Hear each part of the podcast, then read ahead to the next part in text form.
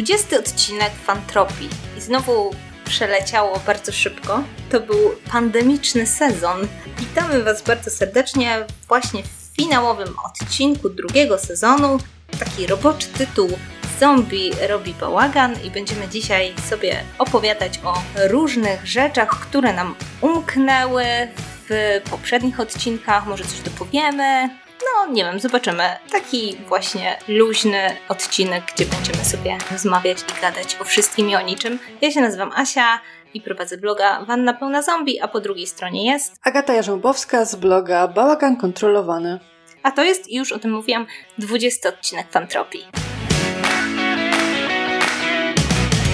Szczerze powiedziawszy, to w to nie wierzę. Jakoś tak wydawało mi się, że 20 odcinek to będzie tak, nie wiem, strasznie długo to będzie trwało, zanim do niego dojdziemy, a to jest już 20 odcinek. No, 20 odcinek i 10 odcinków e, zrobionych podczas pandemii i właściwie nie było, no, nie było żadnych premier kinowych, więc musiałyśmy sobie tak. jakoś radzić. Ale powiem Ci szczerze, nie wiem jak nasi słuchacze, ale ja bardzo lubię takie przekrojowe tematy i myślę, że poruszałyśmy bardzo dużo takich fajnych e, tematów, e, fajnych problemów. I właśnie chciałam Cię zapytać, jaki jest Twój ulubiony odcinek e, Fantropii? Mój jest o archetypie, bo, bo dowiedziałam się strasznie dużo i to było takie uczucie, jakbym siedziała na jakiejś takiej niesamowicie ciekawej prelekcji, na jakimś, wiesz, konie gdzieś, gdzieś daleko w Polsce i po prostu wśród wszystkich innych fanów archetypów Lokiego. Ach, to jest miód na moje serce i na moje uszy. Bardzo mi miło, e, że, że ten Ci się spodobał. A ja mam inne. Ja mam na przykład, chyba najbardziej lubię nasz odcinek o fangirlingu. O, też był fajny. Ponieważ on był takim fajnym połączeniem, myślę, że takiej dosyć merytorycznej rozmowy z bardzo ciekawymi uwagami na temat zjawiska. E, no plus był o fangirlingu, więc troszeczkę chyba pofangirlowałyśmy sobie również, więc e, takie połączenia E, bardzo lubię. To ja mogę zdradzić, mhm. że w jednym z dalszych punktów dzisiejszego omówienia nawiążemy do fangirlingu i będę bardzo fangirlować. Ja też. Ciekawe, czy myślimy o tym samym. Ciekawe. E, no, ale nie obejdzie się po prostu bez jakiejś tam ekscytacji, ponieważ myślę, że to jest najfajniejsze w obcowaniu z popkulturą, właśnie takie ekscytacje właśnie. Ja lubię też odcinek o czytaniu i o czytelnictwie i on mhm. dosyć dobrze się klikał, w sensie ma dość sporo odsłuchań. E, my Harry'ego Pottera w tym sezonie robiłyśmy? Chyba nie. Okej. Okay. Chociaż nie. Już mi się wszystko miesza. Same fajne odcinki zrobiłyśmy, taka prawda. Ciężko wybrać. Chyba ten. Może zapytamy naszych e, słuchaczy, jaki odcinek lubią najbardziej. Gdzieś tam w social mediach. Jestem ciekawa. Tak, to prawda. Jakie są Wasze wrażenia? Bo zupełnie inaczej myślę, odbiera się odcinki podczas nagrywania, zupełnie inaczej się słucha i, i, i, i inne rzeczy się docenia podczas samego słuchania. No tak. Agato, pamiętam, że jak e, ostatnio robiłyśmy ten odcinek Zombie robi bałagan w dziesiątym odcinku, czyli w finale pierwszego sezonu, to mm -hmm. pytałam Cię i rozmawiałyśmy troszeczkę o, o podcastingu w ogóle, o robieniu podcastu. Czy jakby coś się zmieniło w tym temacie, bo zaczęłaś używać troszeczkę e, innego sprzętu? Coś, coś się zmieniło chyba. E, znaczy, to jeszcze jeden program, i ja bardzo dziękuję e, naszemu słuchaczowi, który akurat słuchał tego odcinka i zgłosił się do nas z informacją. Skarżyłam się, że e, mam problem z wyrównywaniem dźwięku w podcaście. I w moje ręce został polecony program Lewator. Cześć, tu Agata, która właśnie montuje ten odcinek. Program oczywiście nazywa się Levelator, a nie to coś, co ja tam powiedziałam. A teraz wracamy do odcinka który jest naprawdę banalny w użyciu, bo tam się dosłownie wrzuca w plik i on nawet nic nie trzeba uruchamiać. Ten program po prostu sam wyrównuje dźwięk i wypluwa plik z wyrównanym dźwiękiem. I to jest mistrzostwo. Używamy go od jakichś dwóch albo trzech odcinków i nie wiem jak naszym słuchaczom, ale moim zdaniem słychać różnicę. No właśnie, ja jestem ciekawa, czy, e, czy słychać tą różnicę, bo ona jest, ona jest, ale jest właśnie taka dość subtelna i, i zastanawiam się, czy ktoś, kto po prostu sobie słucha podcastu bardziej dla takich wartości, powiedzmy, treściowych i merytorycznych, jest w stanie jakby zauważyć e, zmiany w jakości takiej technicznej e, No dobrze. Zatem, jeśli chodzi o moje na przykład jakieś odczucia, jeśli chodzi o podcastowanie, no to chyba nic się nie zmieniło, oprócz tego, że czuję się bardziej swobodnie i też y, zauważyłam, że prowadzenie podcastu wzbudziło we mnie taką większą odwagę do w ogóle robienia rzeczy w sieci różnych, więc takimi małymi kroczkami do przodu. Może faktycznie zaczniemy coś nagrywać. Y, tylko ja nie mam kamery, właśnie to jest problem. Ja mam komputer stacjonarny i, i nie mam kamerki internetowej, musiałabym sobie dokupić, więc. A pytanie, czy kamerka w laptopie, którą mam, się do czegoś nadaje, także. Mam też właśnie.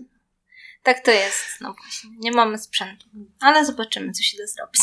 Mm, dobrze. Będziemy sobie dzisiaj rozmawiać troszeczkę o właśnie jakichś serialach, filmach, e, które ostatnio oglądałyśmy i o których z jakichś powodów nie rozmawiałyśmy w e, żadnym z odcinków. Chociaż też wrócimy też do, do pewnego tematu, który poruszałyśmy już, ale to później. Agata, co tam takiego się działo w kulturze, co cię jakoś tam, nie wiem, ucieszyło, zasmuciło, bądź sprawiło, że, nie wiem, zapałałaś miłością. To ja zacznę od książki wyjątkowo, mhm. ponieważ przeczytałam Balladę Ptaków i Węży. Jest to prequel Igrzysk Śmierci i jestem zachwycona.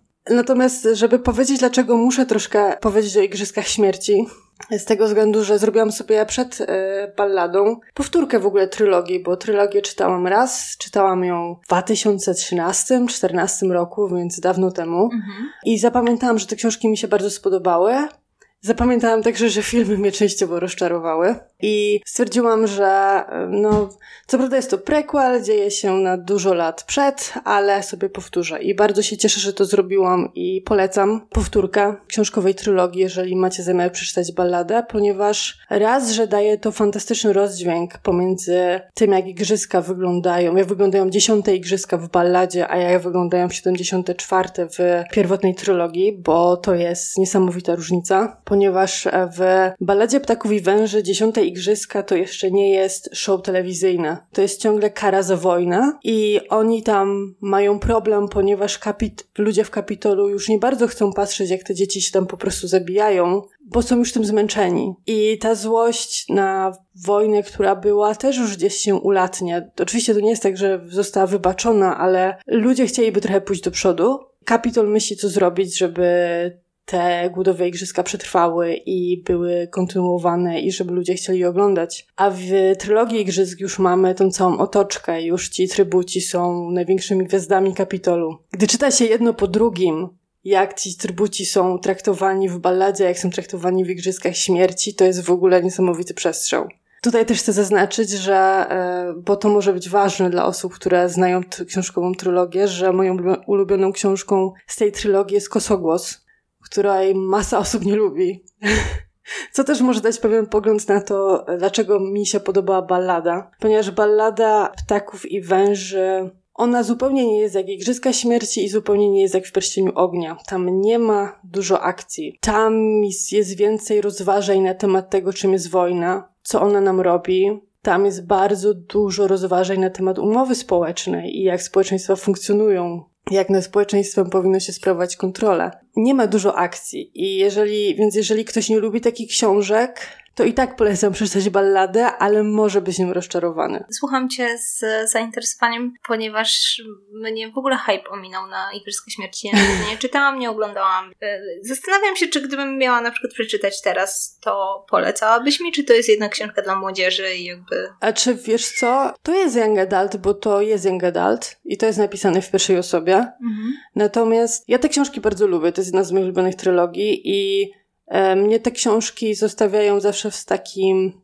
Bo tam zakończenie, ty widziałaś filmy? Nie, nie widziałam. Nie widziałaś nic. To nie będę mówić dokładnie, jak się kończy, ale zakończenie tych książek jest takie słodko-gorzkie. Mhm. Ono mnie zawsze zostawia w takim, takiej melancholii i, i rozmyślania, rozmyślaniem nad życiem. I zostawiło mnie tak za pierwszym razem i zostawiło mnie dokładnie w takim samym uczuciu teraz za drugim razem, pomimo, że wiedziałam, co będzie się działo. Ja książki polecam. Trylogia y, są naprawdę fajne. Filmy, pomimo, że nawet tam chyba cytowały e, epilog y, w zakończeniu, w ogóle im się nie udało chwycić tej, tej otoczki i niestety filmy postawiły za bardzo na akcję, a w Igrzyskach Śmierci wbrew pozorom jest trochę polityki, ponieważ tam jest, y, to chodzi, to wszystko to jest wojna i rebelia, tak? Więc ta polityka tam musi być siłą rzeczy. Mhm. Um, także filmy całkowicie z mojej perspektywy to, to wywaliły.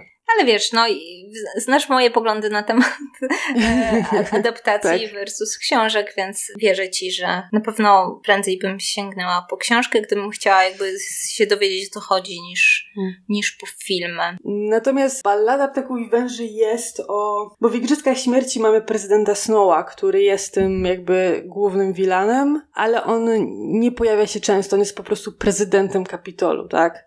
I, i on te igrzyska organizuje i wszyscy go nienawidzą. Natomiast w baladzie Ptaków i Węży mamy młodego Snowa, który jeszcze nie jest prezydentem, bo jest dzieciakiem. To, co mi się bardzo podoba w tej książce, to jest to, że dostajemy dzieciaka, który jest skrzywdzony przez wojnę, no bo każda rodzina została przez wojnę tak czy inaczej skrzywdzona. I dostajemy środowisko, które kwestionuje igrzyska głodowe, ponieważ te dzieciaki tam zadają pytania, po co są organizowane te igrzyska? Czy nie możemy sobie odpuścić? Przecież te dzieci, które są na te igrzyska wysyłane, nie brały udziału w wojnie, nie miały nic do czynienia w ogóle z tym, co się działo, i tak dalej, i tak dalej. I balada ptaków i węży moim zdaniem fajnie pokazuje, jak dobrze działa manipulacja i propaganda, takich, na takich młodych umysłach, jak sprawnie można je nakierować na to, żeby one coraz mniej wątpiły w to, co robią. I to, co jest też fajne w tej książce, to jest to, że ona nie koncentruje się na głodowych igrzyskach, w sensie jasne toczy się wokół nich, ale w przeciwieństwie do igrzysk śmierci, fabuła nie dzieje się na arenie, tylko fabuła dzieje się w Kapitolu z perspektywy osób, które oglądają głodowe igrzyska, co też jest fajne. Wiesz, to z, z tego, co opowiadasz, to dobra książka na dzisiejsze czasy, więc... Powiem ci, że tak. Miałam, jak czytałam w ogóle właśnie umowie społecznej, tam nawet pada ta nazwa. Jak czytałam właśnie o tym, jak kontrolować społeczeństwo, przyznam szczerze, że znalazłam odniesienia. Nie będę tego ukrywać. I odniesienia w ogóle też do Holokaustu, ponieważ trybuci nie są traktowani jak ludzie. I moim zdaniem, przynajmniej z polskiej mojej perspektywy, wiele wydarzeń to były po prostu jak żywcem wycięte rzeczy z Holokaustu i z tego, jak byli traktowani Żydzi. Mhm. Także, no moim zdaniem naprawdę warto tę książkę przeczytać. Zwłaszcza, że ona jest cały czas skierowana do młodego czytelnika. To jest cały czas tak. young adult. Mhm. Tak, tak. E, przy czym e, ona nie jest pisana w pierwszej osobie, to jest taka okay. też dość duża różnica, bo Igrzyska Śmierci były pisane w pierwszej osobie. Wiem, że nie, nie wszystkim się to podobało. Mhm. Ja też nie jestem za wielką fanką pisania w ten sposób. Mhm. No i nie ma tutaj trójkąta miłosnego. Jest wątek miłosny, oczywiście, że jest wątek romantyczny, ale moim zdaniem przyznam szczerze, że jest bardziej, bardziej w niego uwierzyłam niż ten, co się dzieje w Igrzyskach Śmierci. Mhm. No dobrze. Ciekawe, czy zrobią film. No ciekawe by to. Tylko właśnie, tutaj się nie dużo, tu nie ma takiej akcji takiej typowej. Ciekawa jestem, wiesz, jakby to uchwycili, bo tam, hmm, no tak jak mówię, ta książka jest moim zdaniem bardziej filozoficzna niż, niż nastawiona na akcję, więc ciekawa jestem, czy film by tutaj dobrze zadziałał. No myślę, że wiesz, można by było zrobić, być może nie przyciągnąłby tylu ludzi do kina, albo trzeba by było obudować hmm. tę akcją jakąś. Tak, może gdyby to zrobił, wiesz, jakiś reżyser, który się dobrze czuje czuję w takim kinie, to myślę, że mogłoby wyjść coś z tego fajnego. Ale gdyby kto wziął ktoś, kto tak typowo robi właśnie takie akcyjniaki, to raczej mogliby to położyć. A tak a propos kina, tęsknisz za chodzeniem do kina? Ja już byłam w kinie. Byłeś w kinie? Byłam w kinie. Na czym? Będę zresztą o tym filmie mówić. Ja byłam na nożach. Otworzyły się małe kina, jak było rzucone pozwolenie już mhm. na otworzenie się kin. I u mnie w miejscowości e, wyświetlono pokaz e, przedmową właśnie na temat filmu na noże. A że mnie ten film ominął niestety, jak gdy był w kinach, to stwierdziłam, że no, to, to jest ewidentnie znak z niebios, że mi akurat ten film, na który chciałam iść do kina i mi uciekł, rzucają do mojego lokalnego kina. więc, więc byłam już w kinie w tym roku. Fajnie, fajnie. Ja jeszcze nie. Czekam. Pewnie nawet na tego Nolana pójdę.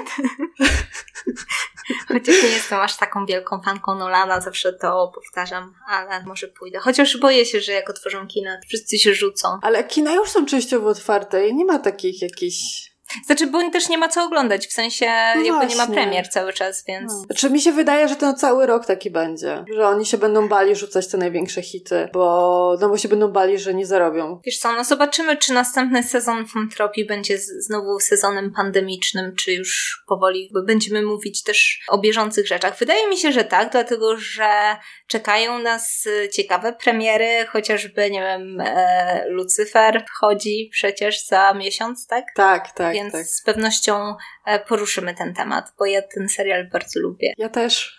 Ale nie jestem, nie jestem na bieżąco, bo sobie go tak sączę, jak po prostu nie mam co oglądać i mam ochotę na coś, e, wiesz, odmurzającego, gdzie są ładni ludzie. tak, to jest taki serial, dokładnie.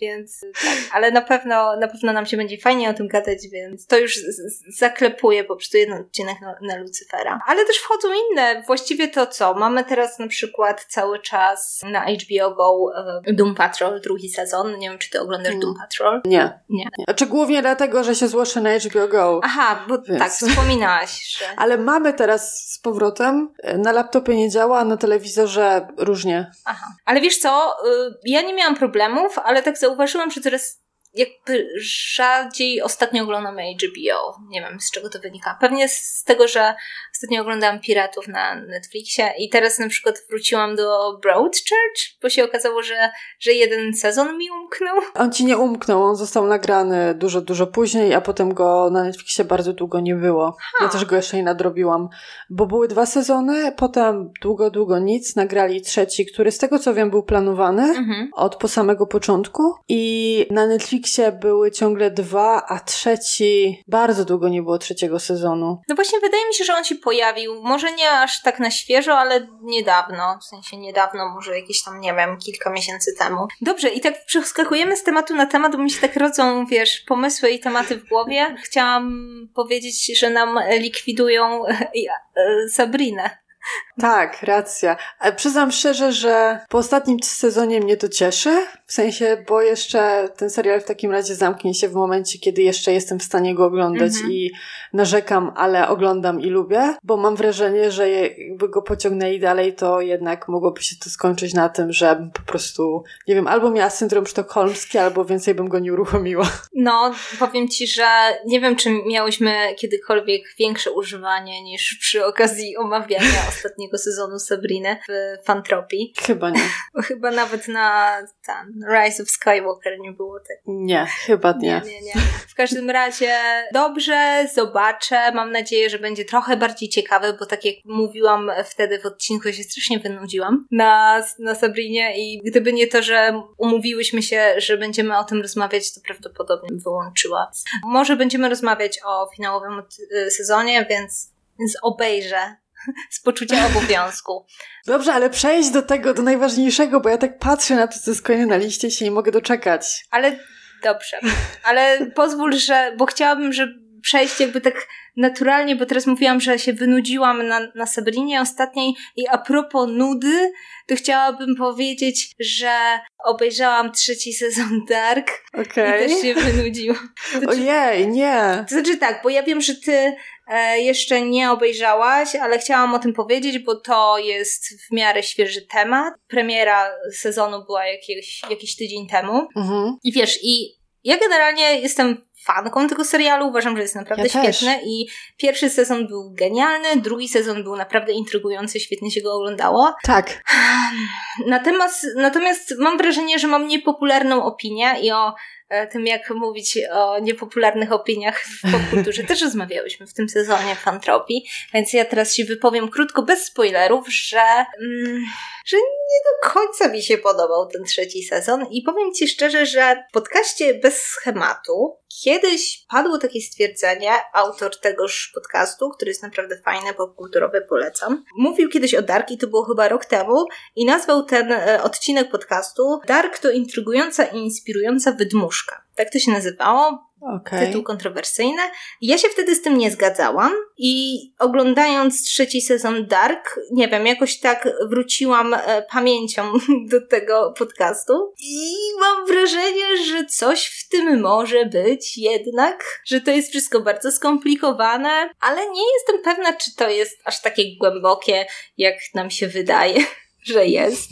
E, wiesz, trzeci sezon tak naprawdę jest złożony z tak nienaturalnych dialogów, że ciężko to oglądać, ponieważ wszystkie postacie są strasznie poważne oczywiście i mówią takimi, wiesz, zdaniami pełnymi patosu, typu o, pan X się myli, jesteśmy do siebie stworzeni. Wiesz, takie po prostu rzeczy, okay. jakby tam nie ma naturalnych dialogów. Plus jeszcze, to jest taki sezon, gdzie praktycznie wszystkie, powiedzmy, te pionki są rozstawione, my już wiemy o co chodzi e, i już nas nic tak nie zaskakuje, jak na przykład w drugim sezonie, wiesz, okay. ten plot mhm. twist na koniec albo coś takiego. W związku z tym te postacie chodzą i jakby mówią coś do siebie, później przychodzi e, ta sama postać tylko z innej linii czasowej i mówi, że nie, ta stara ja to kłamałam. I musisz zrobić inaczej, więc to jest taki totalny, wiesz, mindfuck i, i, i wiesz, okay. ale największym zarzutem, który ja mam, to jest taki, że, że to jest tak pokręcone, a jednocześnie w pewnym momencie uświadamiasz sobie, że te postaci to troszeczkę ciebie tak nie za bardzo obchodzą właśnie. Bo one są jakoś tak, nie zachowują się naturalnie, też jakby ich osobowość nie jest jakoś tak pogłębiona, ponieważ serial jest pozbawiony poczucia humoru, to my nie potrafimy się troszeczkę utożsamić z żadną z tych postaci, tak naprawdę. I wiesz, i po dwóch odcinkach e, trzeciego sezonu ja próbowałam rozkminiać, wiesz, o co tam chodzi, wiesz, pełne skupienie, nie? A później sobie uświadomiłam, kurde, ale właściwie to, czy ta apokalipsa po prostu się odbędzie, czy się nie odbędzie? Za bardzo to, no nie mam tam komu kibicować, w ogóle mnie to nie obchodzi, więc już od tego momentu sobie troszeczkę tak odpuściłam takie skupienie intelektualne, po prostu to oglądałam i, i tyle. Okej, okay, to ja powiem, to muszę ci tu przerwać, mhm. ponieważ to jest mój jedyny problem z Dark. Ja tam nikogo nie lubię. Potrzebowałam też czterech odcinków, żeby się wkręcić, ponieważ po pierwsze, właśnie, nie czułam żadnej więzi z bohaterami i wszyscy dla mnie mówili sztucznie. Mhm. Po drugie, jakoś do połowy pierwszego sezonu muzyka Dark składa się z wiolonczeli, która ma jedną strunę. Mhm. Nie mogłam tego słuchać. Pamiętam, że miałam odruchy agresywne, jak po prostu ta muzyka tam grała. Potem zaczęli wprowadzać jakieś piosenki i już byłam w stanie tą wiolonczelę przełknąć, ale pierwsze odcinki to jest wiolonczela z jedną struną, która jeszcze nie jest dobrze e, ustawiona. Mhm. Natomiast ja się wciągnęłam w, właśnie w intrygę. No, no właśnie. I miałam gdzieś bohaterów, mnie ciekawiło, do czego to prowadzi, więc przyznam szczerze, że jestem coraz bardziej przerażona. No wiesz, właśnie chodzi o to, że jak już wiesz, do czego to prowadzi i mniej więcej już znasz całą sytuację, to jakby nic ci więcej nie pozostaje oprócz kibicowania bohaterom. A jeśli po prostu tego nie robisz, bo cię oni nie obchodzą, to jest problem z oglądaniem. Więc ja szczerze mówiąc, trochę się wynudziłam na tym, ponieważ już nic mnie nie zaskoczyło, nie było jakichś takich plot twistów i właściwie mam wrażenie, że ten sezon mógłby się skończyć, nie wiem, w czterech odcinkach tak naprawdę. Generalnie jedna rzecz, która jest ok, żeby nie było, że tylko narzekam. W miarę mi się podobał finał. Wydaje mi się, że nie dlatego, że był jakiś po prostu strasznie głęboki, albo mi tak, wiesz, dał wpysk, albo coś takiego, że się zastanawiam nad życiem i śmiercią. Nie. Po prostu on, y, wydaje mi się, że był taki dość właśnie składny i taki w miarę dynamiczny, i on się wyróżniał na tle po prostu pozostałych odcinków. Więc ja uważam, że to jest dobry serial i dobrze, że się skończył w trzech sezonach, natomiast ten trzeci sezon ja się nie daję już złapać na takie rzeczy typu o, jak nie wiem o co chodzi, to znaczy, że jest zajebiście. Nie, jak nie wiem o co chodzi, to to wcale nie musi oznaczać, że to jest takie głębokie i zajebiste. Znaczy więc... nie, mi się właśnie w pierwszych, pierwszym drugim sezonie podobało to, że jak się śledziło, to faktycznie tam się wszystko składało. No tak. Trzeba było się tylko trochę bardziej skoncentrować, ale ta fabuła się składała. To nie było tak, że nie wiadomo o co chodzi, więc Jejku, no nic. Jak obejrzę i wrócimy z trzecim sezonem, to zobaczę, może, be- może nie będę narzekać. Wiesz co, no chętnie z tobą pogadam o tym i, i możemy wrócić do tego tematu. No dobrze, skończyłam o Dark, już nie narzekam więcej. Teraz już będą same zachwyty. Tak. Tak. Czy mamy mówić dalej, tak? Tak, Dobrze. tak, tak, słucham. Okej. Okay. Otóż obejrzałam Hamiltona. W końcu. Znaczy ja nie widziałam, ale po prostu jestem niesamowicie ciekawa, co, co myślisz, jakie masz wrażenia i wszystko. No po pierwsze, oczywiście strasznie się jarałam, bo to jest to było dla mnie niesamowite przeżycie w końcu zobaczyć coś, co dobrze znam. To jest troszeczkę tak jakby popkulturowo, wiesz, nie móc widzieć i nagle po prostu odzyskać wzrok, ponieważ jeden musical znam z soundtracku i tak wersji audio. Mhm. Natomiast y, byłam po prostu bardzo ciekawa, jak to się wszystko składa razem właśnie z i choreografią i kostiumami. W ogóle grą aktorską. Naprawdę bawiłam się świetnie. I oczywiście, no, nie wiem, no, ciężko mi teraz, wiesz, znowu powiedzieć, że było super, bo wiadomo, że Hamilton jest super. Natomiast powiem ci, że były pewne rzeczy, które mnie zaskoczyły.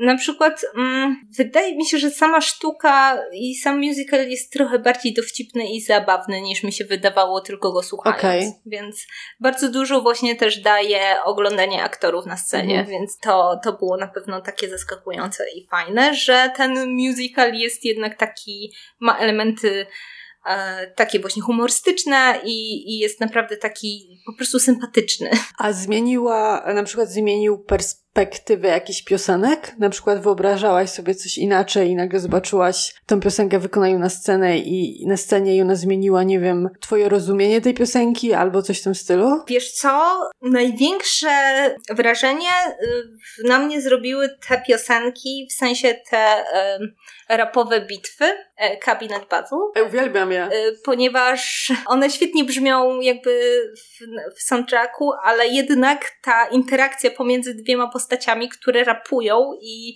i to jest fajnie zrobione, ponieważ one na przykład trzymają mikrofony, w sensie, że to wygląda faktycznie jak taka rapowa bitwa. Nie jest to, jakby nikt nie próbuje udawać, że jest to scena, która się po prostu dzieje w tamtych jakby warunkach i czasach, tylko wiesz, jest są e, mikrofony, wiesz, można zrobić mic dropa i w ogóle, więc, więc to na pewno się świetnie, wiesz, wszystko składało w całość. I w ogóle właśnie te takie bardziej rapowe, polityczne spory, lepiej się je mm, na pewno ogląda właśnie w mm. musicalu niż słucha. To znaczy słucha też dobrze, no natomiast wiadomo, że te takie bardziej y, utwory, które są melodyjne i są po prostu piosenkami, no to wiadomo, że tam one y, trzymają się całkiem nieźle jako osobne byty, mhm. a te takie mocno zakorzenione powiedzmy w samej historii, która jest pokazana w musicalu, no to one faktycznie jakby ten aspekt wizualny im dodaje, wiesz, kilka punktów zajebistości jeszcze. Jejku, da się?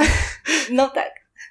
E, więc, więc oczywiście troszeczkę się wzruszyłam, trochę się uśmiechnęłam, czy śmiałam. I właśnie jakby chyba najbardziej mi się podobał e, David Dix jako e, najpierw Lafayette, a później Jefferson, zwłaszcza jako Jefferson. I szczerze mówiąc, to właśnie nigdy tego na, na niego za bardzo nie, nie zwracam uwagi słuchając i te piosenki w wykonaniu e, Thomasa Jeffersona jakoś tak zawsze mi przele- przylatywały, natomiast on jest doskonały w tym musicalu i, jest zabawny i w ogóle świetnie się na niego patrzy, bo jest taki nonszalancki, taki trochę ekstrawagancki i w ogóle, więc naprawdę ekstra. I muszę powiedzieć, że jestem pod wrażeniem w ogóle e, Lina Manuela Mirandy, który naprawdę jest świetny i jako Hamilton i w ogóle jest bardzo emocjonalny i jakby widać w każdej scenie, że on naprawdę jakby wkłada całe serce i całą duszę w, w ten performance. Także naprawdę warto e, zobaczyć. No bo jakby słuchając, owszem, jakby doceniasz aspekty muzyczne, techniczne tego, jak to jest po prostu wyprodukowane, wiesz, napisane, zrobione, zremasterowane, w ogóle zmiksowane i itp. No ale jednak wiesz, no to jest musical, jakby tutaj ta warstwa e, wizualna jest e, no ogromnie ważna, więc, mhm. więc e, no naprawdę to się wszystko składa w piękną całość, także czekamy na Disney Plusa. Jak będzie Disney Plus, to będę to oglądać po prostu raz w tygodniu. Przy, przynajmniej. Pewnie ludzie będą pytać, y, to uprzedzimy. Hamiltona w Polsce nie można zobaczyć legalnie. Można go albo znaleźć w internecie, albo musicie mieć VPN-a i, i wykupić po prostu, udając, że jesteście w Ameryce Disney Plus. Przy czym, z tego co wiem, e, bywają problemy z polskimi kartami płatniczymi. Mhm. Lub wiem, że jest też sposób, jeżeli macie jakiegoś znajomego z zagranicy, który ma Disney Plusa, on może wam do, wielkodusznie użyczyć dostęp do swojego konta. I wiem, że ludzie w ten sposób oglądali Hamiltona. Dokładnie. Ale ja tylko dodam, że są polskie napisy już. No, także niestety na razie trzeba kombinować, y, no i czekamy na Disney Plusa, żeby w końcu się łaskawie pojawił w Polsce. Dokładnie. No, to teraz ja przejdę. Tak jak wspominałam, widziałam w kinie film na noże, który mi uciekł i byłam bardzo rozczarowana, że mi uciekł y, przy pierwszych y, pokazach. Mm, ponieważ słyszałam o nim same dobre rzeczy. Nie wiem, czy widziałaś go? Widziałam. I byłam bardzo właśnie rozczarowana i na szczęście moje kino postanowiło z nim wrócić na jeden, jedyny seans i jestem totalnie zachwycona. Mhm. W sensie wiedziałam mniej więcej o, czy znaczy nie wiedziałam o czym dokładnie jest, ale wiedziałam, że to jest taka opowieść na, na postawy, nie na postawie Agaty Christie, ale w sensie w tym klimacie. Mhm że mamy zamkniętych bohaterów w jednym domu i zgadujemy, kto zabił i, i tak dalej, ale niesamowicie podoba mi się przewrotność tego filmu, bo w przeciwieństwie właśnie do powieści Agaty Christie, gdzie dopiero na samym końcu dowiadujemy się, kto zabił i dlaczego, film nam pokazuje już na prawie na samym początku, co się dokładnie wydarzyło, mhm. kto jest winny i tak naprawdę łączy to poszukiwanie tego detektywa detektyw szuka prawdy, kto zabił, ale równocześnie obserwujemy tą osobę, którą wiemy, że zabiła, która próbuje zrobić wszystko, żeby nikt się nie domyślił, że ona zabiła. I ten film jest tak fantastyczny pod tym względem. I jeszcze jak on jest nakręcony, wizualnie jest przecudowny. Bo jest tam Chris Evans. Też, ale ja chciałam akurat pochwalić Daniela Craiga, bo jak usłyszałam tak. jego akcent. Okej, okay, faktycznie, no. On gra tam z takim akcentem. Tak. I to nie jest akcent po prostu amerykański. To jest jakiś, to jest z któregoś stanu. Nie jestem w st- ja nie mam ucha do akcentu, więc ja nie jestem w stanie powiedzieć, z jakiego on tam stanu użył tego akcentu, ale to jest tak charakterystyczny akcent, że jak on się najpierw odezwał, to w moim mózgu pojawił się taki wielki error, No bo co się stało z jego brytyjskim akcentem? Co tu się w ogóle dzieje? To nawet nie jest zwykły amerykański akcent. Co on mówi? No tak. Ale film naprawdę wart zobaczenia. Pewnie już się gdzieś będzie pojawiał na wszelkiego rodzaju platformach, jeżeli już przypadkiem nie jest. Chyba nie jest. Ale można go wypożyczyć już na jakiejś tam playerze albo coś takiego. No nie? właśnie, także naprawdę polecam, żeby zobaczyć, bo jest przewrotny, jest bardzo zabawny. Mhm. Właśnie w taki fajny sposób odwraca, tak jak mówiłam, ten schemat, który znamy, że, że kto zabił i szukamy winnego w pokoju. On ten schemat fantastycznie odwraca i, i cudownie się to ogląda. Plus, no, plus tam jest w ogóle Obsada cała śmietanka jest, aktorska. Tak, tak. Ekstra, to prawda. Bo oprócz Daniela i Chrisa Evansa mamy jeszcze e, Jamie Lee Curtis, mamy Michaela Shannona, mamy Christophera Plamera, i e, taką najświeższą tak naprawdę gwiazdę Katrin Langford. Ją można znać z 13 powodów, więc, więc tak naprawdę obsada tam jest fantastyczna, a nie wymieniłam chyba nawet połowy. Mhm. Nie, to prawda. I właśnie jak na film, który zaczyna się od pokazania nam właściwie, co się stało, no to on ma mnóstwo tak naprawdę plot twistów. To jest po prostu tak. scenariuszowy majstersztyk, więc ja mam po prostu zapałałam większym szacunkiem do Ryana Johnsona, nawet pomimo tego, że ja w ogóle go szanowałam nawet za The Last Jedi, który bardzo lubię, więc, więc on jest takim twórcą, który lubi właśnie tak trochę pogrywać z naszymi jakimiś oczekiwaniami. No i w Nanorze no, zrobił to naprawdę po mistrzowsku. Także... Tak, to jest, film jest cudowny, także jeżeli go nie widzieliście, to, to polecam mhm, dokładnie. zobaczyć. No dobrze, co dalej? Zostało nam, z tego co widzę, Black Sales. Wszyscy zaskoczeni. No właśnie, i szczerze mówiąc, to ja jestem osobą, która y, jakby chciała wrócić do tematu Black Sales, ponieważ kiedy rozmawiałyśmy z Agatą o Wikingach i o Black Sales, no to ja byłam po pierwszym sezonie. A teraz już jestem e, po całym serialu, po czterech sezonach, więc chciałam zrobić takie małe postscriptum i powiedzieć, jaki to jest zajebisty serial. jak ja się cieszę, cieszę, nie masz pojęcia, jak ja się cieszę. chciałam powiedzieć, że my jakby przedwczoraj z Agatą jakby wysyłałyśmy sobie po prostu filmiki z, z YouTube'a z różnymi po prostu rzeczami fanowskimi, więc po prostu do, ja siedziałam na tablerze, więc tak, to jest tego typu serial. Wiesz co, bo właśnie chciałam do niego wrócić, dlatego że wiesz, bardzo się cieszę, że mi go poleciłaś, bo ja w ogóle mam dwa typy dobrych seriali. Pierwszy typ dobrego serialu to jest taki, który naprawdę doceniasz właśnie za kunszt, jakiś wiesz, scenariuszowy, typu, nie wiem, Dark albo coś takiego, wiesz, oglądasz to i mówisz, o tak, świetny serial, nie? Po czym po prostu wyłączasz go i idziesz do swoich zajęć, wiesz, zaczynasz szukać czegoś innego i tyle, nie? Jest to jakiś tam pozycja, tak. którą sobie gdzieś tam możesz zanotować. Natomiast... I potem jak ktoś pyta o dobry serial, mhm. to go polecasz. Tak że tam wiesz, y, doborowa obsada, w ogóle scenariusz i, i te sprawy, nie?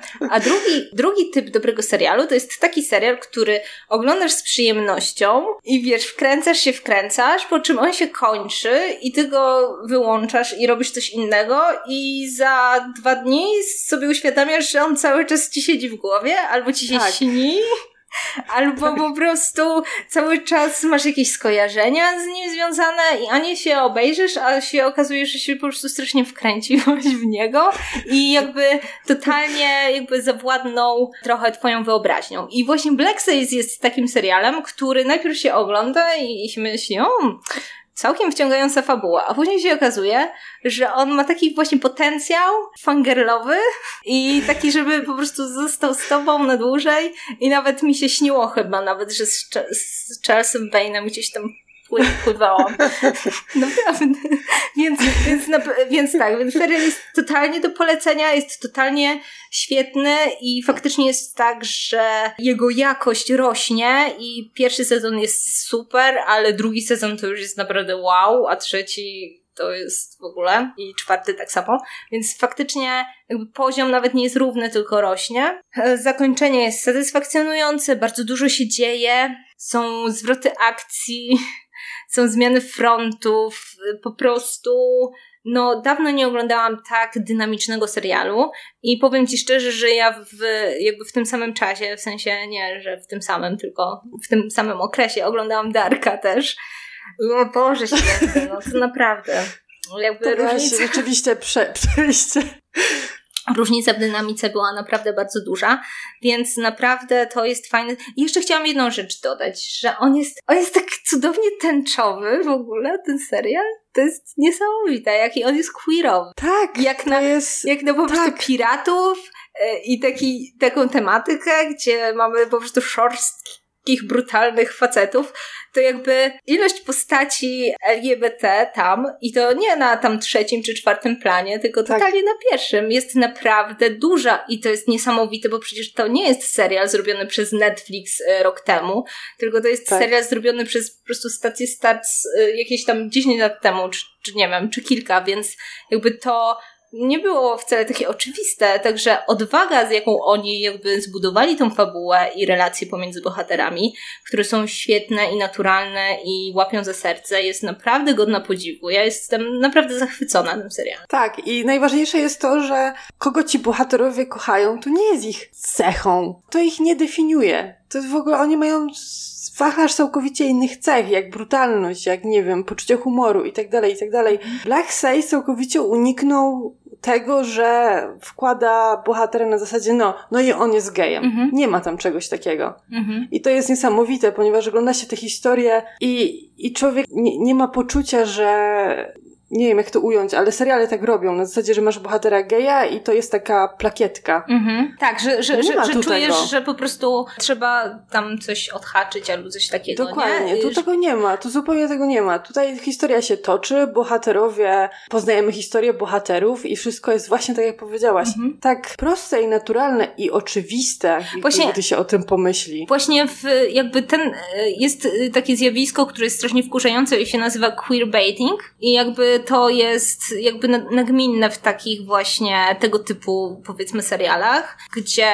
trochę próbuje się niby puszczać oko, niby nabierać właśnie na takie relacje, ale tak naprawdę to jest właśnie wszystko tylko i wyłącznie w warstwie jakiegoś takiego gadania czy deklaracji poza planem, które totalnie nic nie zmieniają. Natomiast tutaj zupełnie tego nie ma, więc y, zaskakująco, jeśli szukacie, jakby Pride Month się skończył, co prawda, ale jeśli szukacie serialu, gdzie jest dobra reprezentacja, no to naprawdę zaskakująco, ale Black Say jest, jest, jest świetny tak. pod tym kątem. A jeżeli słuchacie serialu, którym bez przerwy ktoś sobie daje w mordy, jest dużo krwi, Black Sails. Dokładnie.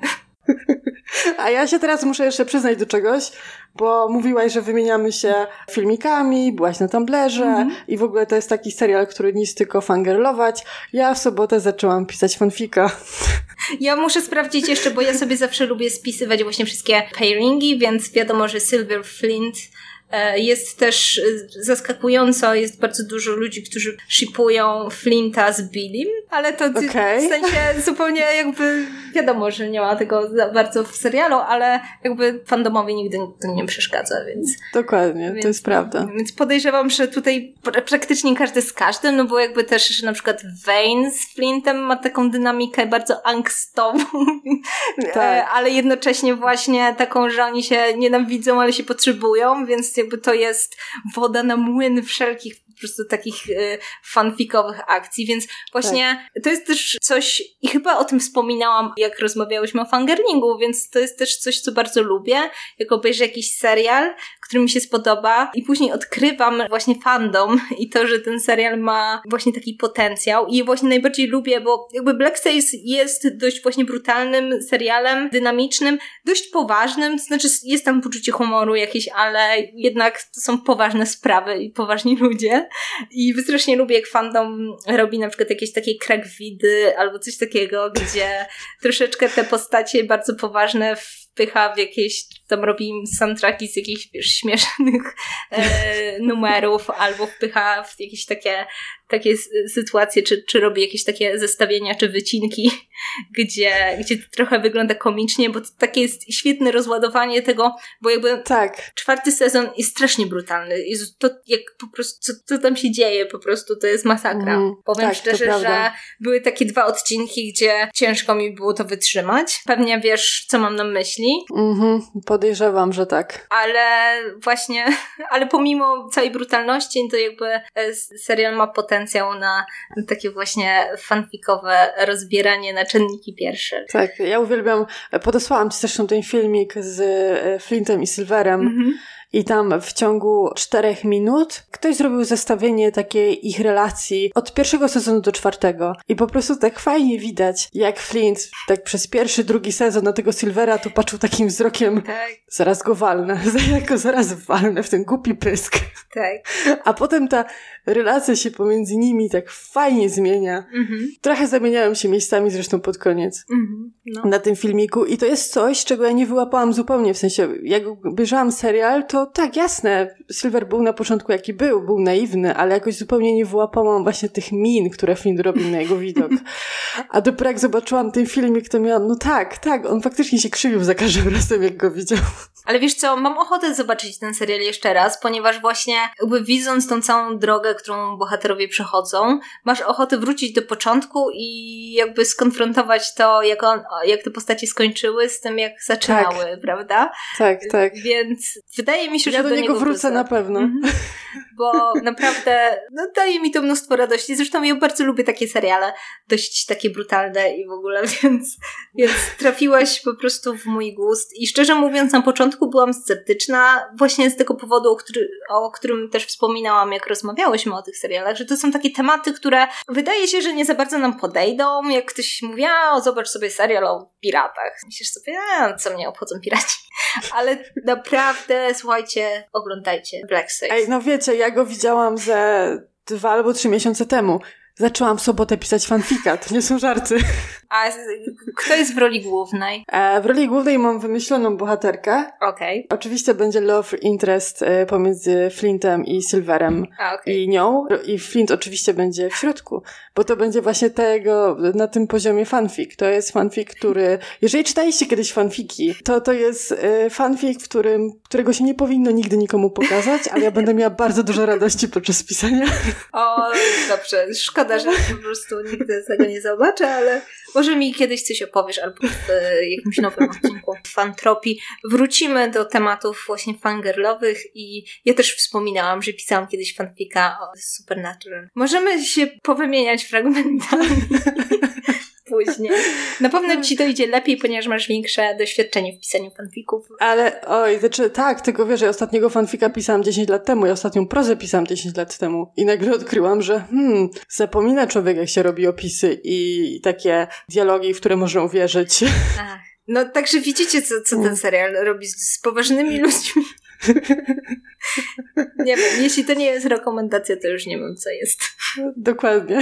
Um, dobrze, no to co? Wydaje mi się, że powiedziałyśmy o wszystkim. Nie jest tego być może dużo, bo też, no, tak jak mówię, pandemia trwa, trochę są wakacje, trochę, e, trochę mamy dużo pracy, więc może tych popkulturowych rzeczy nie było tak dużo ostatnio, ale myślę, że te, które oglądałyśmy, czy przeczytałyśmy, czy doświadczyłyśmy, no to były warte tego. Ja Dokładnie tak. Myślę, że właśnie teraz mam tak, że troszeczkę ostrożniej dobieram to, co oglądam. Może oglądam mniej, ale jakby zawsze jestem zadowolona. E, to jest też dobry moment, ponieważ będzie przerwa pomiędzy mhm. sezonami. Ciężko nam jeszcze powiedzieć, jak długo ostatnio miało być krócej, wyszło dłużej, więc raczej nie będziemy się tu zapowiadać dokładnie, bo życie pokaże. Mhm.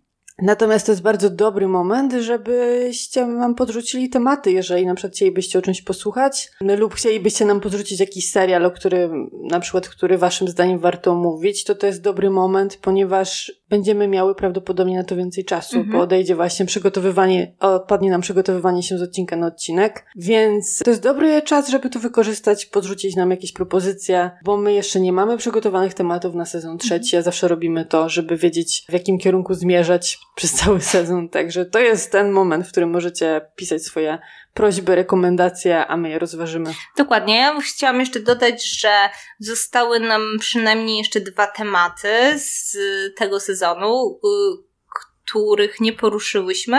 Jeden to jest książkowy temat o Sandersonie, a drugi to mhm. jest o dokumentach na Netflixie, więc myślę, że o tym e, będziemy mówić w przyszłym sezonie na pewno. Natomiast dostałam jedną polecajkę, e, jeśli chodzi o przyszły sezon i ona brzmi Sons of Anarchy. Czy ty oglądałaś ten serial? Tak, nie cały. Okay. Ale oglądałam. Ja właśnie też y, dawno temu oglądałam i też nie dokończyłam, ale wydaje mi się, że to jest dość ciekawy serial. Jeśli już y, mówiłyśmy o takich brutalnych serialach z mężczyznami na motorach. To on się, w tym, on się wpisuje w tę tematykę. Tak. W sumie on by pasował do zestawienia Wikingowie Black Sails i Sons Anarchy. E, no, to prawda. Chyba, dobra, musimy sobie zrobić miejsce na, o, wiesz, fangirlowanie takich seriali fantropii. Ale zobaczymy. No, czekamy na jakby wasze rekomendacje i jakieś pomysły i na pewno będziemy chciały, żeby trzeci sezon fantropii był jeszcze lepszy i jeszcze ciekawszy. Zdecydowanie. I e, za ten czas też możecie nas polecić znajomym, ponieważ to jest, wydaje mi się, przerwa jest doskonałym momentem, żeby nadrobić 20 odcinków. Dokładnie. To jest taki właśnie chyba fajny moment, żeby polecić nasz podcast, żeby ktoś mógł się wkręcić, zobaczyć, czy to jest coś, co lubi i i będzie nam zresztą bardzo miło, ponieważ y, nikt nas nie słucha. Nie. Ktoś tam słucha. Śmieję się. Nie, naprawdę dziękujemy za wiadomości, bo tak jak mówiłam na początku, dostaliśmy polecajkę z programem. Widziałam, że parę razy nas polecaliście na innych fanpage'ach, także bardzo dziękujemy, bo to nam daje w ogóle powera, żeby dalej myśleć i działać. Tak, dziękujemy Wam bardzo i odwiedzajcie nas w social mediach, tam się na pewno coś będzie działo. E, raz na jakiś czas. Na pewno Dokładnie. nie znikniemy na całe wakacje. To będzie w takim razie wszystko, więc jeszcze tylko przypomnę szybko, gdzie możecie nas słuchać. To jest YouTube, to jest Anchor, to jest Google Podcast i najważniejszy Spotify. I w takim razie do usłyszenia po przerwie. Cześć! Cześć!